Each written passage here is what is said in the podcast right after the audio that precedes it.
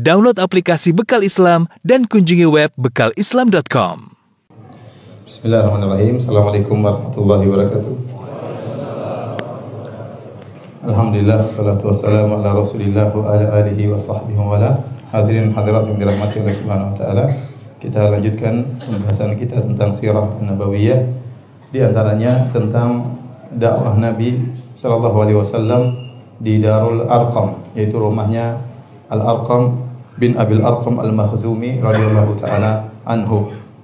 Uh, Nabi wasallam uh, tetap meskipun para sahabat diintimidasi, disiksa, sebagian dibunuh, namun Nabi SAW tetap berdakwah dan Nabi selain berdakwah secara terang-terangan, beliau juga uh, membawa para sahabat berkumpul di suatu rumah yang dikenal dengan Darul Arqam. Dar artinya rumah. Disebut dengan Darul Arqam karena rumah itu adalah milik milik milik Al Arqam bin Abil Arqam Al Makhzumi. Tatkala itu para sahabat di rumah Darul Arqam sekitar uh, 60 orang. Dan rumah tersebut ya posisinya di Jabal Sofa.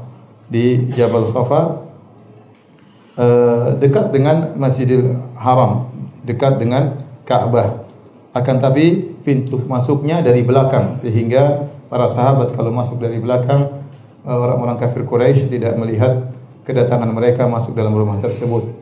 Ini strategi Nabi Shallallahu Alaihi Wasallam karena Al Arqam bin Abil Arqam ya masih sangat muda usia beliau sekitar 16 tahun tatkala itu ya dan ini menjauhkan persangkaan orang-orang Quraisy mungkin orang-orang Quraisy menyangka kalau Muhammad Shallallahu Alaihi Wasallam membuat uh, markas maka tentunya akan memilih rumah dari para pembesar-pembesar sahabat Nabi SAW. Mungkin rumahnya Abu Bakar atau rumah yang lain. Tapi ternyata yang dijadikan markas oleh Nabi SAW adalah rumahnya Al-Arqam bin Abil Arqam. Padahal posisinya dekat Ka'bah dan kita tahu orang-orang kafir Quraisy nongkrongnya di mana? Di Masjid Haram ya. Tapi mereka tidak menduga sama sekali.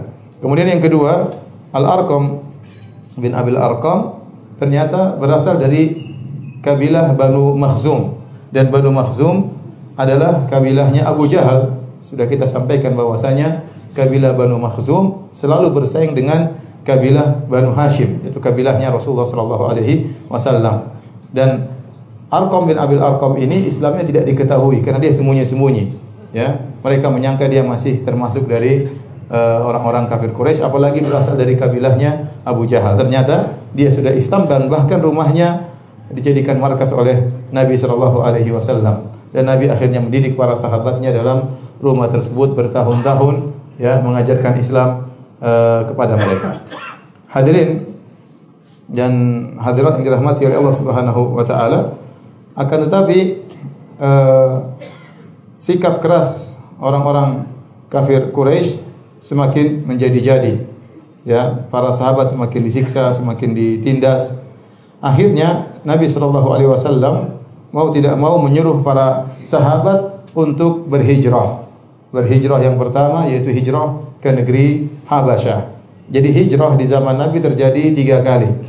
Hijrah ke negeri Habasyah yang pertama, kemudian pada tahun 5 Hijriah, kemudian hijrah ke negeri Habasyah yang kedua, bukan 5 Hijriah, 5 tahun 5 kenabian. Kemudian hijrah ke negeri Habasyah yang kedua, yang ketiga hijrah ke kota Madinah pada tahun 13 kenabian. Jadi hijrah ada tiga kali. Hijrah pertama adalah ke negeri Al-Habasyah. Uh, tatkala kaum muslimin ditindas, turunlah beberapa surat yang mengisyaratkan untuk mencari solusi dengan pergi ke tempat yang aman. Di antaranya turun surat Al-Kahfi di kota Mekah di saat kaum muslimin ditindas turun surat Al-Kahfi yang bercerita tentang kisah para pemuda yang mereka dimusuhi oleh uh, satu negeri seluruhnya musuhi mereka. Dan akhirnya Allah menyuruh mereka untuk bersembunyi di goa. Fa'wu ilal kahfi yang lakum rabbukum min rahmati. Kata Allah pergilah kalian menuju goa. Karena mereka tidak aman kalau di kota bakalan dibunuh bakalan disiksa maka para pemuda tersebut yang berjumlah tujuh orang itu akhirnya pergi ke goa untuk menyelamatkan diri agar bisa tenang jauh dari uh, gangguan kaum di negerinya. Kemudian juga turun suatu ayat dari surat Az-Zumar yang juga mengisyaratkan tentang adanya hijrah yaitu firman Allah Subhanahu wa taala lil ladzina ahsanu fi hadhihi dunya hasanah sungguhnya orang-orang yang berbuat kebaikan di dunia bagi mereka surga. Wa ardullahi wasi'ah. Dan sungguhnya bumi Allah itu luas. Ini isyarat bumi Allah itu luas. Kalau seorang ternyata tidak bisa beribadah kepada Allah di suatu negeri, maka hendaknya dia mencari negeri yang lain. Akhirnya Nabi SAW memerintahkan para sahabat yang sudah tidak kuat dan ingin berhijrah silakan. Kata Nabi SAW, Lau kharajtum ila ardil habasyah. Seandainya kalian pergi meninggalkan kota Mekah menuju ke negeri Al-Habasyah. Fa inna biha malikan la yuzlamu indahu ahadun.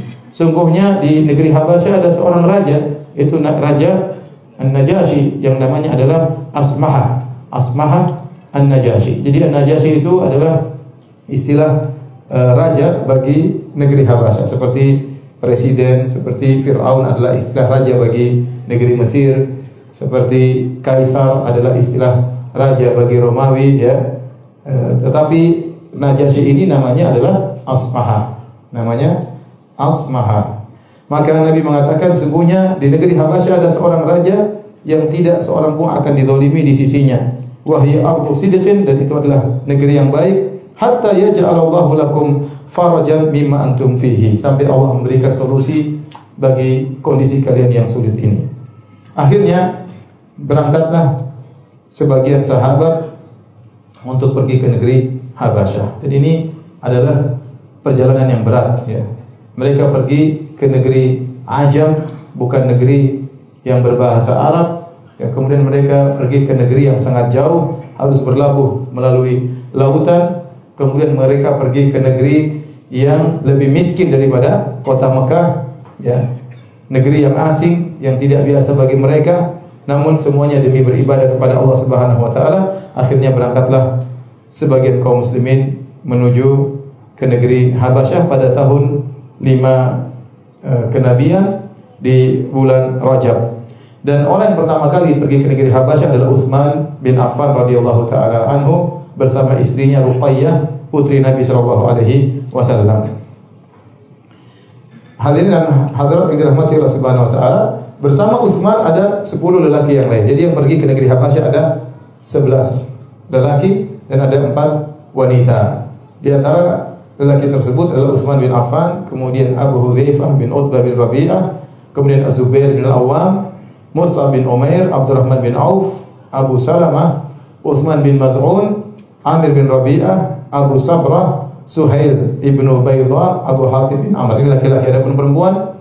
Di antaranya Ruqayyah, istrinya Uthman bin Affan radhiyallahu taala anhu, putrinya Nabi SAW. Kemudian Sahlah bintu Suhail, istrinya Abu Hudzaifah bin Utbah, ya. Kemudian Ummu Salamah, istrinya Abu Salamah, ya. Maka mereka pun berangkat menuju ke negeri Habasyah. Mereka keluar diam-diam menuju ke negeri Habasyah. Di antara mereka ada yang berjalan kaki, di antara mereka ada yang naik kendaraan. Tatkala sudah tiba di tepi pantai, Allah mentakdirkan ternyata ada dua perahu atau dua kapal yang lagi bersandar dan akan segera pergi ke negeri Habasyah. Maka mereka segera naik kapal tersebut. Begitu mereka naik sudah berlabuh berjalan, tahu-tahu orang-orang Quraisy mengejar mereka tapi sudah terlambat. Akhirnya sampailah mereka ke negeri Habasyah dalam kondisi aman dan tentram dan mereka tinggal berbulan-bulan ke negeri uh, Habasyah. Namun akhirnya mereka balik lagi ke Mekah. Kenapa mereka balik lagi ke Mekah? Karena ada satu peristiwa yang menimbulkan isu tersebar bahwasanya orang-orang Quraisy di Mekah sudah pada sadar, sudah pada masuk Islam. Ada isu berita seperti ini sehingga mereka akhirnya balik ke negeri kampung mereka kota Mekah. Ternyata berita tersebut adalah isu yang tidak benar. Adapun kenapa bisa timbul isu ini? Diriwayatkan oleh Imam Al-Bukhari dan Imam Muslim dari Ibnu Mas'ud radhiyallahu taala anhu. Beliau berkata awwal suratin unzilat fiha sajdatun wan najm. Ya. Qala fasajara Rasulullah sallallahu alaihi wasallam wa sajada man khalfahu illa rajulan. Raaitu akhadha kaffan min turabin fasajada alaihi. Di antara surat yang pertama kali turun di antaranya di kota Mekah adalah uh, yang ada sajadahnya adalah surat An-Najm. Ini surat pertama yang ada sajadahnya adalah surat An-Najm. Maka Rasulullah SAW baca surat An-Najm sampai akhir ayat. Ya. Di akhir ayat Allah memerintahkan untuk sujud. Maka Nabi pun sujud. Waktu Nabi sujud, para sahabat di belakang Nabi juga ikut sujud. Ini baru pertama surah turun ada ayat sajadahnya. Maka orang-orang yang lagi di situ juga ikut-ikutan sujud termasuk orang-orang Quraisy. Mereka ikutan sujud. Kecuali ada seorang lelaki aku melihatnya mengambil uh, segenggam pasir tanah kemudian dia sujud di atas tanah tersebut. Faraitu ba'da dzalika qutila kafiran. Dan saya lihat lelaki tersebut ternyata tewas dalam kondisi kafir. Lelaki tersebut adalah Umayyah bin Khalaf, yaitu majikannya Bilal yang menyiksa Bilal. Dalam riwayat yang lain, ya dengan sanad yang sahih dalam Musnad Imam Ahmad dan juga Mustadrak Al Hakim dari Al Mutallab ibni Abi Wada'ah, dia berkata, "Ra'aitu Rasulullah SAW sajada fi najm."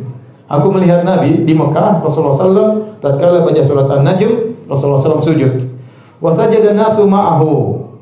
Dan orang-orang ikut sujud waktu itu, termasuk orang kafir Quraisy. Walam asjud ma'ahum dan saya tidak sujud. Waktu itu masih musyrik. Fala ada sujud fiha abadan. Ya, setelah itu saya setelah dia masuk Islam, selalu dia sujud kalau mendengar surat As-Sajdah. Ya. Kenapa mereka sujud? Disebutkan oleh para ulama karena mereka terkagum-kagum dengan surat An-Najm. Biasanya mereka tidak mau mendengar Al-Quran dengan baik. Pokoknya kalau lagi dibaca Al-Quran, maka mereka tidak mau dengar. Bahkan mereka berkata, La tasma'u li hadzal Qur'an wal fihi la'allakum taghlibun. Jangan dengar Al-Qur'an, jangan dengar Al-Qur'an. Bikin kegaduhan supaya kalian tidak mendengar Al-Qur'an. Namun qadarullah waktu itu Nabi baca surat An-Najm dari awal sampai akhir lengkap dan mereka lagi di situ lagi di Masjidil Haram karena tempat nongkrong mereka di mana? Di Masjidil Haram. Waktu Nabi lagi sholat kemudian baca Al-Quran, maka atau Nabi sedang baca surat An-Najm, Nabi baca dari awal sampai akhir. Wan najmi idza hawa ma dhalla sahibukum wa ma Dan itu ayat-ayat yang sangat indah. Dan orang kafir Quraisy mereka ahli bahasa. Mereka tahu betul bagaimana balaghahnya Al-Quran, bagaimana indahnya Al-Quran. Disebutkan oleh sebagian para ulama, ini baru pertama mereka mendengarkan surat secara sempurna dari awal sampai akhir dan mereka tercengang mereka mendengar surat tersebut. Sampai uh, firman Allah Subhanahu wa taala ya, wal mu'tafikata ahwa dan kaum Lut yang telah ya, faghasyaha ma ghasya yang Allah hancurkan mereka. Fa bi ayyi ala rabbika tatamara. Nikmat apa Allah apa yang kalian perdebatkan? Hada nadhirum minan nudhuril ula. Sungguhnya adalah peringatan. Ya azifatil azifah telah dekat hari kiamat. Laisa laha min dunillahi kashifah. Tidak ada yang bisa mengungkapkan hari kiamat kecuali Allah. Afa min hadzal hadits ta'jabun? Apa kalian ya takjub dengan Al-Qur'an ya mengejek dan yang lainnya wa tadhakuna wa la tabkun dan kalian tertawa kalian tidak menangis dengan Al-Qur'an wa antum samidun dan kalian cuek dengan Al-Qur'an fasjudu lillahi wa'budu. Dan sujudlah kepada Allah dan beribadahlah kepada Allah. Akhir ayat langsung Nabi su sujud. Mereka tercengang ikut-ikutan apa? Sujud. Inilah kemudian isu tersebar, orang-orang Quraisy sujud, mereka terpukau dengan Al-Quran, tidak sadar mereka ikutan sujud bersama Nabi. Akhirnya isu ini tersebar sampai ke negeri Habasyah bahwasanya Abu Jahal sudah sadar. Abu Jahal, abu-abu yang lain sudah sadar. Ternyata mereka belum sadar. Ya. Mereka hanya tercengang dan ikut-ikutan apa? Ikut-ikutan sujud. Akhirnya, ya, Waktu mendengar isu bahwasanya orang-orang kafir Quraisy sudah sujud, karena itu jadi heboh ya. Abu Jahal dan kawan-kawannya ikut apa? Sujud. Maka sampailah kabar tersebut ke kaum muslimin yang ada di negeri Habasyah. Kemudian mereka berkata, "Asyairuna ahabu ilaina." Kita lebih senang untuk kembali ke kerabat kita. Akhirnya mereka pun meninggalkan negeri Habasyah untuk balik ke kota Mekah, ya. Tatkala mereka sampai di kota Mekah, ternyata kondisi tidak berubah bahkan lebih parah. Ternyata Abu Jahal masih Abu Jahal, masih belum berubah. Hadirin dan hadirat yang dirahmati oleh Allah Subhanahu wa taala. Orang-orang Quraisy sudah berusaha dengan berbagai macam model untuk menghalangi dakwah Nabi Shallallahu alaihi wasallam. Dengan berbagai macam cara telah mereka lakukan, dengan penyiksaan fisik, dengan gangguan mental, dengan tuduhan tidak-tidak, dengan berbagai macam model. Tetapi Nabi terus tegar dalam berdakwah. Akhirnya mereka punya ide lain, ya. Ya, mereka ingin mengajak berunding dengan Abu Talib ya. Karena semua metode yang mereka gunakan tidak menghalangi menghentikan dakwah Nabi Shallallahu alaihi wasallam. Maka mereka di antara halaman terbesar mereka untuk menghalangi dakwah Nabi karena keberadaan paman Nabi Abu Talib. Abu Talib musyrik dan dia dihormati oleh orang-orang kafir Quraisy karena dia adalah Abu Talib bin Abdul Muttalib. Bapaknya Abdul Muttalib adalah penguasa kota Mekah dan Abu Talib termasuk paman Nabi yang tertua ya. Maka dia sudah berusia kemudian orang tua di kota Mekah sehingga mereka menghormati Abu Talib. Seandainya dia masuk Islam, maka tidak ada yang menghormati Abu Talib. Tapi Allah mentakdirkan dia dalam kondisi musyrik. Di antara penghalang mereka untuk menghalangi dakwah Nabi adalah adanya Abu Talib. Akhirnya mereka pun pergi orang-orang Quraisy menuju Abu Talib. Kemudian mereka berkata, "Wahai Abu Talib, inna laka sinnan wa syarafan wa manzilatan fina." Engkau adalah orang tua di antara kami. Engkau orang yang mulia, engkau punya kedudukan di hati kami. Wa inna ibna akhika yu'dhina fi nadina wa fi majlisina. Dan ponakanmu siapa? Muhammad sallallahu alaihi wasallam mengganggu kami. Tempat perkumpulan kami kami diganggu, lagi kami nongkrong-nongkrong diganggu ya. Karena mereka nongkrong datang Nabi, tinggalkanlah sembahan kepada berhala. Jadi mereka ke mana-mana diganggu oleh Nabi SAW. Kemudian kata mereka, wa inna qad istanhaynaka min ibni akhika falam tanhahu anna. Kami sudah memintamu untuk melarang ponakanmu untuk berdakwah, tetapi kau tidak melarangnya.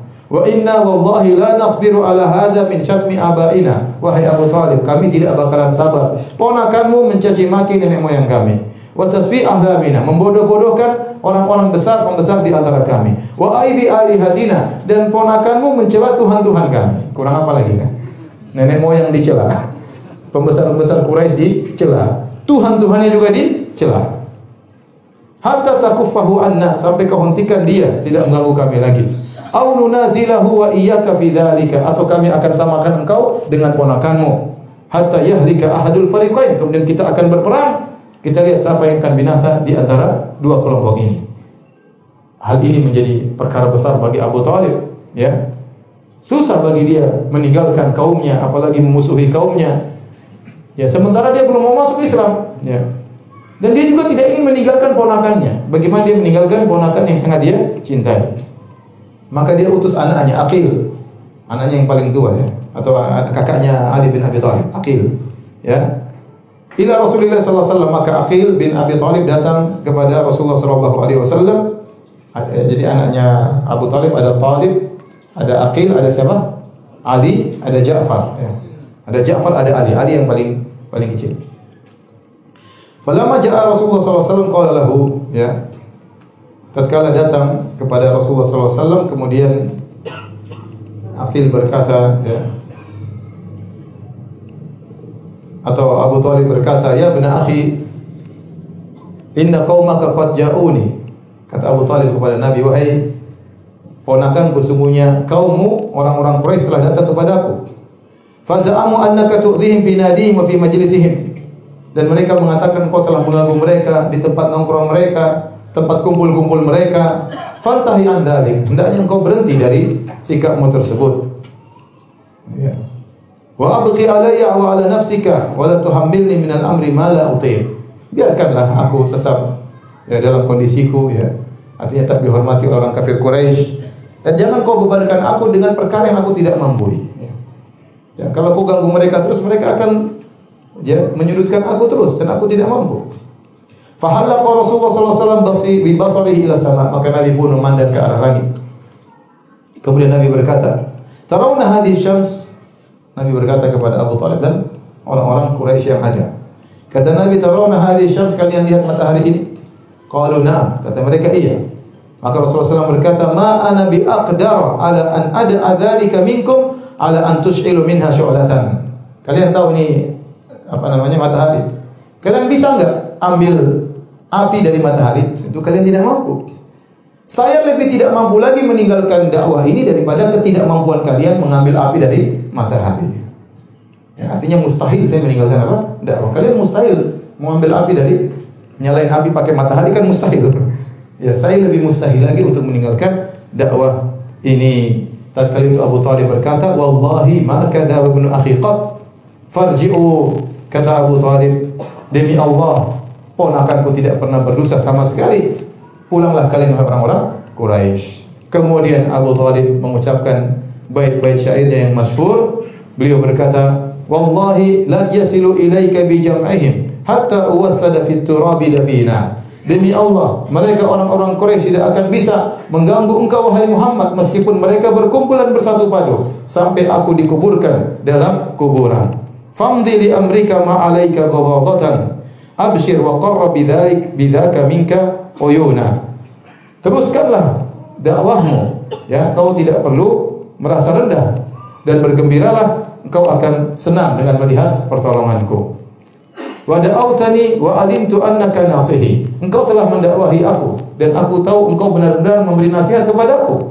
Falaqad sadaqta wa kunta qidama amina. Sungguh kau telah benar dan kau sejak dulu dikenal sebagai orang yang amin yang terpercaya. Wa aradta dinan qad alimtu bi annahu. Engkau telah menawarkan kepada aku suatu agama yang aku tahu min khairi adyanil bariyati din. Aku tahu agamamu adalah agama manusia yang terbaik di antara agama-agama yang ada.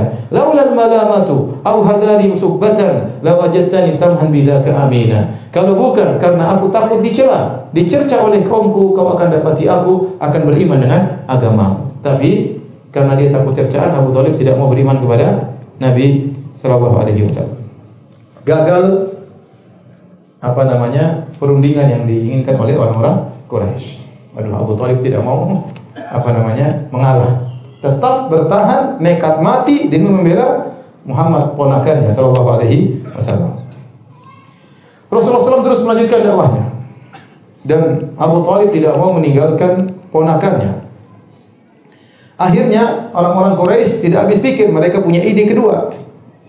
Ini Abu Thalib sangat sayang pada ponakannya. Coba kita ganti orang lain supaya ganti ponakannya. Akhirnya mereka membawa seorang namanya Umarah ibn al-Walid ibn al-Mughirah, anaknya Al-Walid ibn al-Mughirah. Faqalu mereka bawa anak muda ini. Kata mereka, "Ya Abu Talib, qad ji'naka bi fata jamalan wa nasaban wa nahadatan wa syi'ran." Wahai Abu Talib ini anak muda namanya Umarah. Dia adalah orang yang paling gagah ya. Paling nasabnya tinggi, kemudian orangnya kuat dan dia pandai syair maka fakhudhu falaka nasruhu wa aqluhu mirathuhu. Ambillah. Orang anak ini wattakhidhu waladan fahuwa Ambillah anak ini dan jadikanlah ini sebagai anakmu. Wa aslim ilaina ibn akhi dan serahkan Muhammad kepada kami. Tukeran ya. Jadi kata mereka ini buat kamu, Muhammad serahkan kepada kepada kami. Alladzi qad khalafa dinak, itu ponakanmu telah menyelisih agamamu. Wa dina abaik dan telah menyelisih agama nenek moyangmu. Wa farraqa jama'ata qaumik telah memecah belah ya eh, apa namanya kaum kita. Wasafa ahlamana. Ya dan dia telah bodoh-bodohi pembesar-pembesar kita. Fanaqtulahu lalu kami akan bunuh dia. Ini gantinya. Ya. Kemudian apa kata Abu Talib? Wallahi ma ansaftumuni. Kalian tidak adil kepadaku. Atu atu tunani ibnakum akfuluhu lakum wa utikum ibni taqtulunahu apa kalian mau berikan anak kalian supaya saya pelihara, kemudian anak saya saya berikan kalian bunuh? Ini apa ini? Kata Abu Talib, ini apa ini? Tasumuna ni saumal ariri dhalil. Hada wallahi la yakunu abada. Ini penawaran yang menghinakan. Bagaimana kalian serahkan anak kalian untuk saya pelihara, anak saya saya serahkan untuk kalian bunuh. Ini penukaran yang gak beres. Demi Allah ini tidak akan terjadi. Hadirin hadirat yang dirahmati Allah Subhanahu wa taala ya demikianlah Abu Thalib bersikeras untuk membela Rasulullah sallallahu alaihi wasallam dan dia tidak akan meninggalkan Rasulullah sallallahu alaihi wasallam.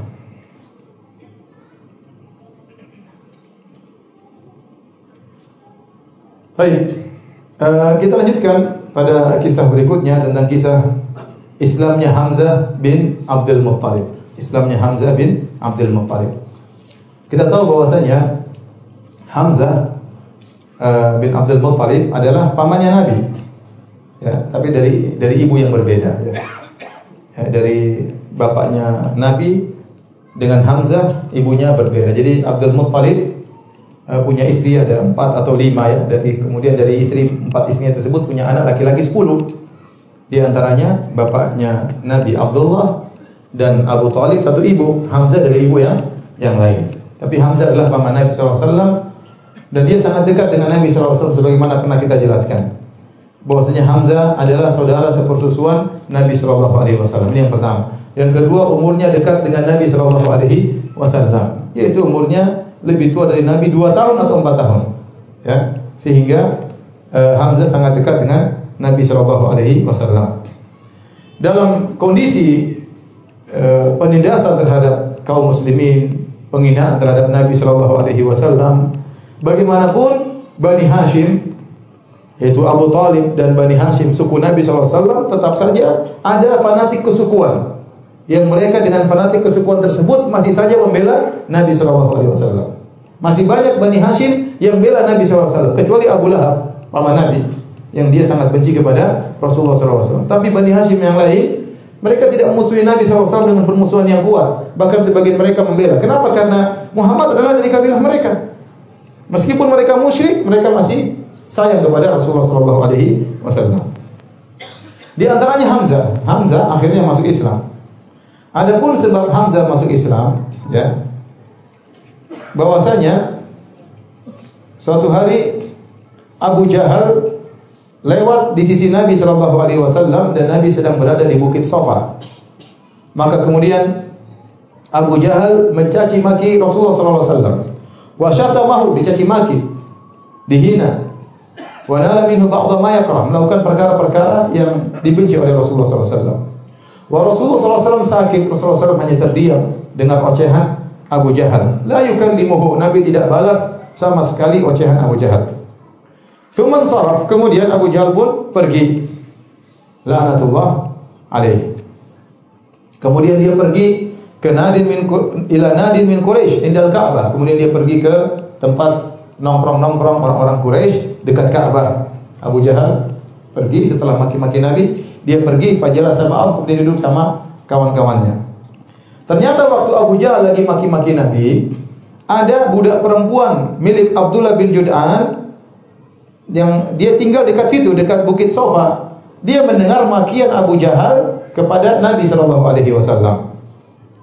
Tiba-tiba setelah itu datanglah Hamzah. Jadi Eh, Abu Jahal sudah pergi, Nabi juga sudah pergi. Tiba-tiba datang Hamzah mutawahishan qausahu raji'an min qanasin lahu. Hamzah baru pulang sedang membawa busur panahnya masih dipegang, ya, dia baru saja berburu. Kemudian dia lewat di Bukit Sofa. Tatkala dilihat oleh budak wanitanya Abdullah bin Jud'an, maka dia panggil, "Ya Aba Umara, wahai Hamzah. Lau ra'aita ma laqiya ibnu akhika Muhammadun anifan." Seandainya kau lihat apa yang ditimpa oleh ponakanmu Muhammad min Abil Hakam ibni Hisham gangguan yang dilakukan oleh Abul Hakam bin Hisham itu oleh Abu Jahal. Wajadahu hahuna jalisan fa'adha wa sabbahu. Abu Jahal tadi lewat lihat Muhammad lagi duduk di sini tahu-tahu dia berhenti kemudian dia maki-maki Muhammad. Ya Kemudian dia pun sehabis maki-maki Muhammad, thumman sarafa anu, kemudian Abu Jahal pun pergi, Walam yukallimu Muhammad sementara ponakan Muhammad tidak balas sama sekali hanya terdiam. Hamzah emosi. Bagaimanapun Muhammad saya musyrik dia muslim tapi ini ponakan saya ya. Ada manfaat juga fanatik apa? fanatik kesukuan ya. Fahtamal Hamzah al-ghadab, maka dia pun ngamuk Hamzah. Ya, ini Allah membuat ini sebab untuk dia masuk Islam. Wa kana Hamzah azafatan fi Quraisy wa ashadda syakimah. Dan Hamzah adalah seorang pemuda yang sangat kuat, yang dia sangat kuat pukulannya. Fantalaka yas'a musammiman annahu idza laki Abu Jahlin batasha bihi. Kemudian dia berjalan menuju Abu Jahal. Dia sudah bertekad kalau ketemu Abu Jahal saya labrak. Falamma dakhala masjid, tatkala dia masuk masjid, nadhara ilaihi jalisan fil qaum. Dia lihat Abu Jahal lagi nongkrong duduk. Abu Jahal bos, dikelilingi oleh apa? Anak buahnya. Fa aqbala nahwahu. Maka kemudian Hamzah menuju kepada Abu Jahal hatta idza qama ala ra'si rafa al-qaus. Terus dia masuk ke tengah-tengah majelis langsung di depan Abu Jahal, kemudian dia angkat busurnya, fadarabahu bi kulli pukul puang pukul kepala Abu Jahal.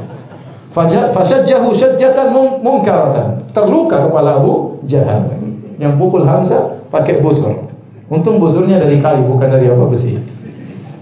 Summa qala lahu. Kemudian Hamzah berkata kepada Abu Jahal, Atashtumu ibn akhi wa ana ala dinihi aqulu ma yaqul. Hamzah emosi aja. Berani benar kau maki-maki ponakanku. Saya juga agamanya sama dengan ponakanku. Padahal belum dia belum masuk Islam. Cuma dia karena jengkel dia bilang, kau berani-berani maki ponakanku sementara saya agamanya sama dengan ponakan saya. Aku berkeyakinan apa yang dia yakini, aku katakan apa yang dia katakan. Kemudian kata Hamzah, "Farudda alayya dzalika in istata'ta." Kalau kau bisa balas saya. Ditantang sama siapa? Hamzah. Kalau kau bisa, lawan saya. Faqama rijalun Bani Makhzum ila Hamzah. Kemudian anak buahnya Abu Jahal dari Bani Makhzum berdiri ingin menyerang Hamzah. Lian suruh Abu Jahal, mereka ingin menolong Abu Jahal. Faqala lahum Abu Jahal, Abu Jahal berkata, "Da'u Aba Umarah." Biar biarin Hamzah. Abu Umarah biarkan dia. Fa inni wallahi qad sababtu bina akhihi sabban qabihan. Sungguh demi Allah, saya tadi telah mencaci maki ponakannya dengan makian yang buruk. Artinya kata Abu ya biarlah, biarlah. Saya tadi salah memang sudah maki-maki ponakannya. Udah biarin aja. Kemudian wa ada Hamzah ila bait. Hamzah pun pulang ke rumahnya. Dia bingung. Dia ini belum masuk Islam. Tapi dia sudah mengatakan Islam di hadapan siapa? Abu Jahal. Di hadapan kaumnya. Dia bingung. Datanglah was-was syaitan. Bagaimana ya? Setan bilang, "Kenapa kau tinggalkan agama kaummu? Kenapa kau ikuti ponakanmu yang keluar dari tradisi nenek moyangmu?" Lebih baik kau mati daripada kau apa yang kau lakukan tadi. Dia bingung, dia bingung. Kemudian dia berdoa, Allahumma in kana rusdan faj'al tasdiqahu fi qalbi wa illa faj'al mimma waqatu fi makhrajan. Dia berdoa, ya Allah, kalau benar bahwasanya beriman kepada Muhammad adalah petunjuk, jadikanlah hatiku membenarkan ponakanku. Tapi kalau ternyata tidak benar, jadilah solusi buatku ya Allah. Ini ada solusi mau apa? Sudah maki-maki Abu Jahal yang dimaki-maki kepala geng terus repot ya. Memasuk agamanya Muhammad masih ragu. Serba salah dia. Dia tadi cuma fanatik apa? Fanatis golongan, marah sesaat, akhirnya dia mengucapkan apa yang tidak dia yakini. Kemudian dia pun malam itu bingung, ya. Was-was syaitan bergeliat di hatinya. Akhirnya besoknya dia pun pergi kepada Nabi Shallallahu Alaihi Wasallam. Kemudian dia berkata, ya benar akhi, ini qawaqatu fi amrin la ariful makhraja minhu. Wahai ponakanku, sungguhnya aku terjerumus dalam suatu perkara yang aku tidak tahu solusinya.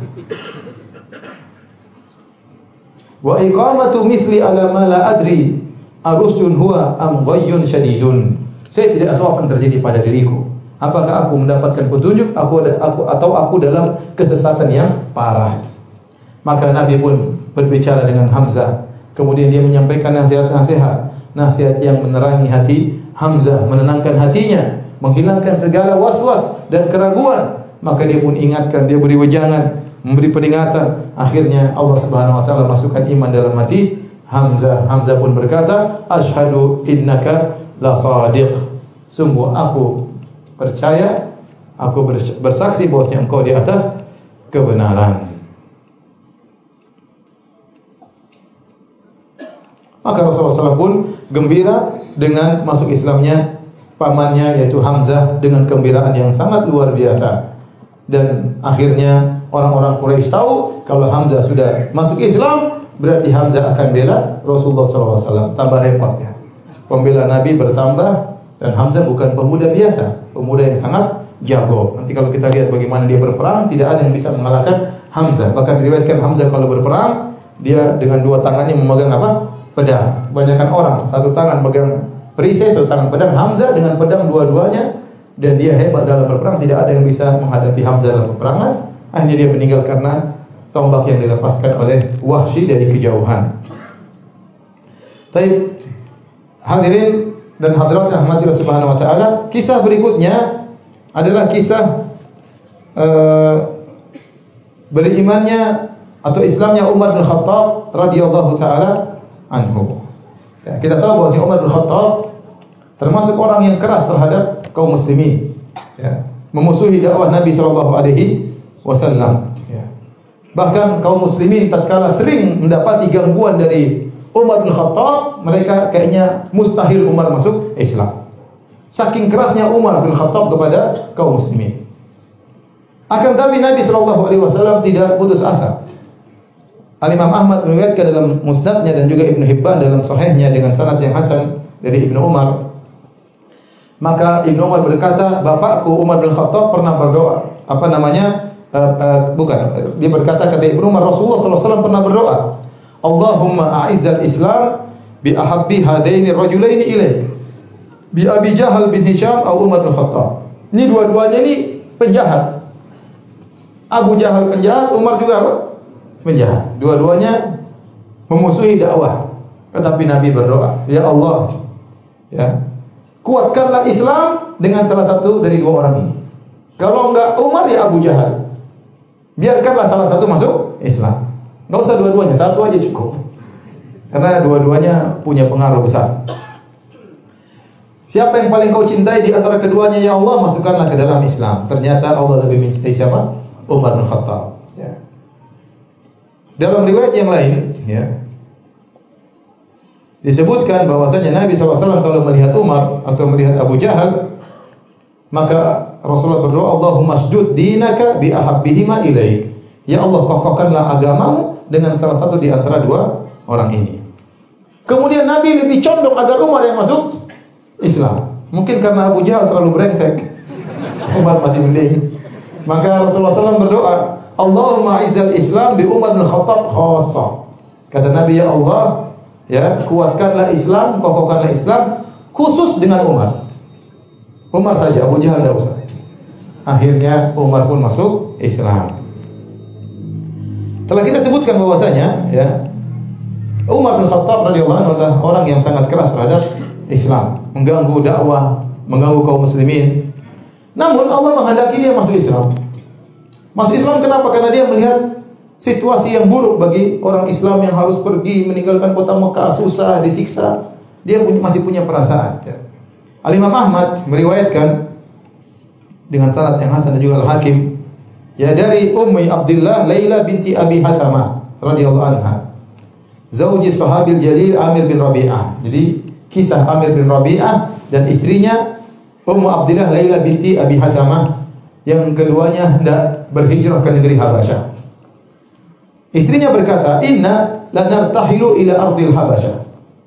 Suatu hari kami saya dan suamiku ingin berangkat menuju negeri Habasyah, mau hijrah. Waqad dhahaba Amir fi ba'dhi hajatina, tapi suamiku Amir bin Rabi'ah sedang lagi pergi lagi ada keperluan. Saya sudah siap-siap, siapkan onta dan segalanya. Iqbala Umar bin Khattab.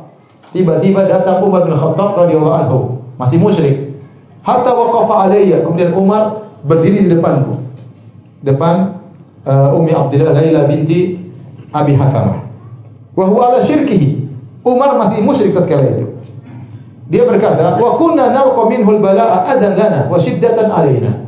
Kami selalu diganggu oleh Umar disakiti oleh Umar. Dia keras kepada kami. Tiba-tiba Umar menyapa Laila ini, istrinya eh, Amir bin Rabi'ah. Kata Umar, "Innahul intilaqu ya Umma Abdullah."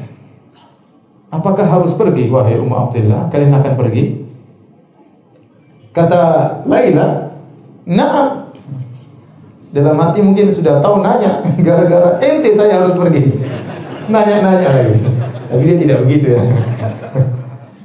Kata Laila, "Na'am, iya, saya akan pergi. Wallahi lanakhrujanna fi ardillah." Demi Allah kami akan keluar menuju bumi Allah. Ada itu muna, gara-gara kalian yang telah mengganggu kami, telah menyiksa kami, wa qahartumuna, kalian telah memaksa kami. Kami akan pergi ke negeri Allah. Hatta yaj'alallahu lana yaj'alallahu lana makhraja. Sampai Allah berikan solusi bagi kami. Mereka ingin berhijrah ke negeri Habasyah. Tiba-tiba Umar yang masih musyrik berkata, Sahibakumullah, semoga kalian ditemani oleh Allah. Oh. Aneh. Ya. Tahu-tahu mereka ingin pergi, Umar doain. Semua kalian ditemani oleh siapa? Allah Subhanahu wa taala. Qalat Ummu Abdullah, Laila Ummu Abdullah komentar. Wa ra'aitu lahu riqqatan lam akun aroha. Saya tiba-tiba melihat kelembutan Umar yang saya tidak pernah lihat sebelumnya. Selalu kasar, selalu garang, selalu ganas. Kali ini tiba-tiba kok lembut. Thuman sarafa, tiba-tiba Umar pergi. Waqad ahzanahu fima ra'a khurujuna. Ya. Ternyata kami harus meninggalkan kota Makkah itu membuat dia sedih. Nampak wajahnya sedih Umar dan ini tidak biasa. Faja'a Amir zaujuha. Kemudian tiba tidak lama kemudian datang suaminya Amir bin Rabi'ah. Fakultu lahu istrinya berkata, Ya Aba Abdullah, wahai suamiku, lau ra'aita Umar anifan wa riqqatahu wa alaina. Seandainya tadi kau ada, kau lihat Umar tadi kasihan sama kita. Dia lembut tidak seperti biasanya. Dipujilah Umar. Kata suaminya, atau mi'ti islami, wahai istriku, kau ingin Umar masuk Islam? Kata istrinya iya. Kata suaminya, la yuslimul ladzi ra'aiti hatta yuslima Umarul Khattab. Itu orang tadi yang kau lihat, si Umar tidak bakalan masuk Islam sampai himarnya masuk Islam. Kata siapa? Kata suaminya. Karena mereka, mereka tahu Umar sangat kasar, sangat garang. Orang begini bagaimana masuk Islam? Dia tidak akan masuk Islam sampai himarnya masuk masuk Islam. Kata istrinya, qala amirun dzalika ya'san lima kana yara min ghilzatihi wa qaswati ala Islam. Suamiku ngomong demikian karena suamiku putus asa karena melihat bagaimana kasarnya Umar dan kerasnya Umar terhadap kaum muslimin. Inilah ya yang menyebabkan uh, Umar akhirnya masuk Islam ya. Di antara sebabnya karena dia melihat uh, sebagian kaum muslimin akhirnya terpaksa keluar meninggalkan kota Mekah karena diintimidasi dan siksa oleh orang-orang kafir Quraisy. Ya, adapun kisah bahwasanya Umar akhirnya bertemu dengan adik perempuannya kemudian dia pukul ini semua kisah yang dhaif yang sering diceritakan kisahnya apa? dhaif maka tidak bisa dijadikan hujjah ya. Hadirin dan hadirat yang dirahmati Allah Subhanahu wa taala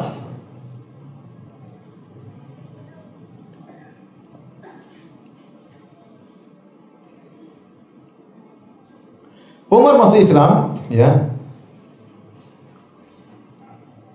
Ada perbedaan pendapat di kalangan para ulama kapan Umar masuk masuk Islam. Ada yang mengatakan tahun ke-6 kenabian, ada yang mengatakan tahun yang lain ya. Tetapi intinya ya Umar ya ada yang mengatakan uh, tahun setelah itu ya karena sekitar tahun 9 setelah kenabian baru kemudian Umar masuk Islam Allah alam mana yang lebih lebih benar. Tatkala Umar masuk Islam, maka kabar kabar tentang Islamnya Umar tersebar ke mana-mana. Ibnu Hibban meriwayatkan dalam sahihnya dan juga Imam Ahmad dalam uh, Fadail Sahabah dengan sanad yang kuat dari Ibnu Umar dia berkata tentang cerita tentang ayahnya. Dia berkata, "Lama aslama Abi Umar, lam ta'lam Quraisy bi islamihi." Tatkala Umar masuk Islam, orang-orang Quraisy tidak tahu kalau dia sudah masuk Islam. Dan Umar ingin menebarkan berita dia sudah masuk Islam. Dia bangga masuk Islam dan ingin orang lain semuanya tahu dia sudah masuk Islam. Tapi tidak ada yang tahu. Ya, zaman dulu nggak ada WhatsApp, tidak ada medsos ya. Kalau tinggal tulis medsos saya masuk Islam semua orang tahu. Abu Jahal bacut udah masuk Islam. Ganti status. Tapi dulu tidak ada medsos. Maka Umar bingung gimana caranya supaya orang tahu semua dia masuk Islam. Maka Umar berkata, "Ayu Quraisyin angkalu angkalu lil hadis." Orang Quraisy mana yang paling tukang sebar berita? Mana sih orang Quraisy yang paling ember mulutnya? Mana siapa? Kila lahu Jamil bin Ma'mar al-Jumahi. Dikatakan kepada Umar ada orang yang paling suka nukil berita namanya Jamil bin Ma'mar al-Jumahi. Umar sengaja ketemu orang ini. Karena kalau sampai berita kepada dia bakalan apa? Tersebar. Faqada alaihi Umar pun berangkat menuju orang ini Jamil bin Ma'mar al-Jumahi. Kata Ibnu Umar, putranya Umar, faqadautu atba'u azrahu. Saya pun ikut bapak aku ke mana dia pergi. Anzuru madza yaf'al. Aku ingin lihat apa yang dia lakukan. Wa ana gulam dan aku masih kecil. Akhilu kullama ra'ait dan aku bisa tahu apa yang aku lihat. Fa'atahu. Kemudian Umar pun datang kepada laki-laki ini. Kemudian Umar berkata, "Ama alimta ya Jamil anni qad aslamtu wahai Jamil?" Apakah kau tidak tahu saya sudah masuk Islam? Wa dakhaltu fi dini Muhammadin. Umar provokasi ini. Dan saya sudah masuk dalam agamanya Muhammad. Qala fa wallahi ma raja'u hatta qama yajur ridaahu. Ini si Jamil tidak sempat jawab. Begitu tahu Umar masuk Islam, dia langsung kabur pergi. Cepat-cepatan sampai ridanya tergeret di tanah. Dan Umar ikut. Wa atba'ahu Umar, Umar ikut. Aku pun ikut kata Ibnu Umar ikut bapakku. Hatta idza qama ala babil masjid. Akhirnya si Jamil ini sampai di depan pintu Masjidil Haram. Fasaraha bi a'la sautihi. Kemudian dia berteriak dengan suaranya yang paling ember, "Ya ma'syara Quraisy, wahai orang-orang Quraisy sekalian." Wahum fi andiyatihim haulal Ka'bah. Mereka sedang nongkrong di pinggiran Ka'bah. Biasa, Abu Jahal CS lagi nongkrong di mana? Abu Jahal. Di Ka'bah. Dia berkata, "Ala inna Umar bin Khattab qad saba." Ketahuilah Umar bin Khattab telah keluar dari tradisi nenek moyangnya. Kemudian Umar di belakang nyeloteh. Umar mengatakan menimpali, "Kadzab, dusta orang ini." Kata Umar, dusta orang ini. Dia bilang saya keluar dari tradisi nenek saya, soba, dusta orang ini. Walakin qad aslamtu asyhadu an la ilaha illallah wa anna Muhammadan abduhu wa rasuluh. Ini orang dusta, tetapi saya sudah masuk Islam dan saya bersaksi bahwasanya tidak ada yang berhak disembah kecuali Allah dan Muhammad adalah hamba Allah dan rasulnya. Hei orang, fatharu ilaihi. Orang-orang kemudian datang menuju kepada Umar. Kemudian Umar berkelahi dengan mereka, mereka berkelahi dengan Umar. Ya. Dan Umar tidak peduli, Umar sangat sangat kuat.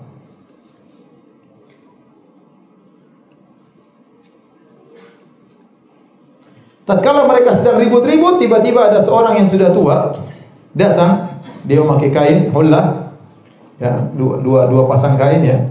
Kemudian dia berdiri di hadapan mereka, kemudian dia berkata, ada apa dengan kalian? Kenapa gaduh? Kalau mereka ribut, Soba Umar, Umar bin Khattab masuk Islam, keluar dari tradisi kita.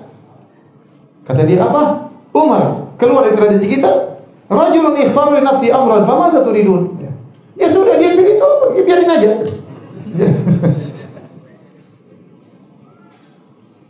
Khallu anir rajul. Biarin dia. Fataraku akhirnya mereka pun meninggal meninggalkan Umar.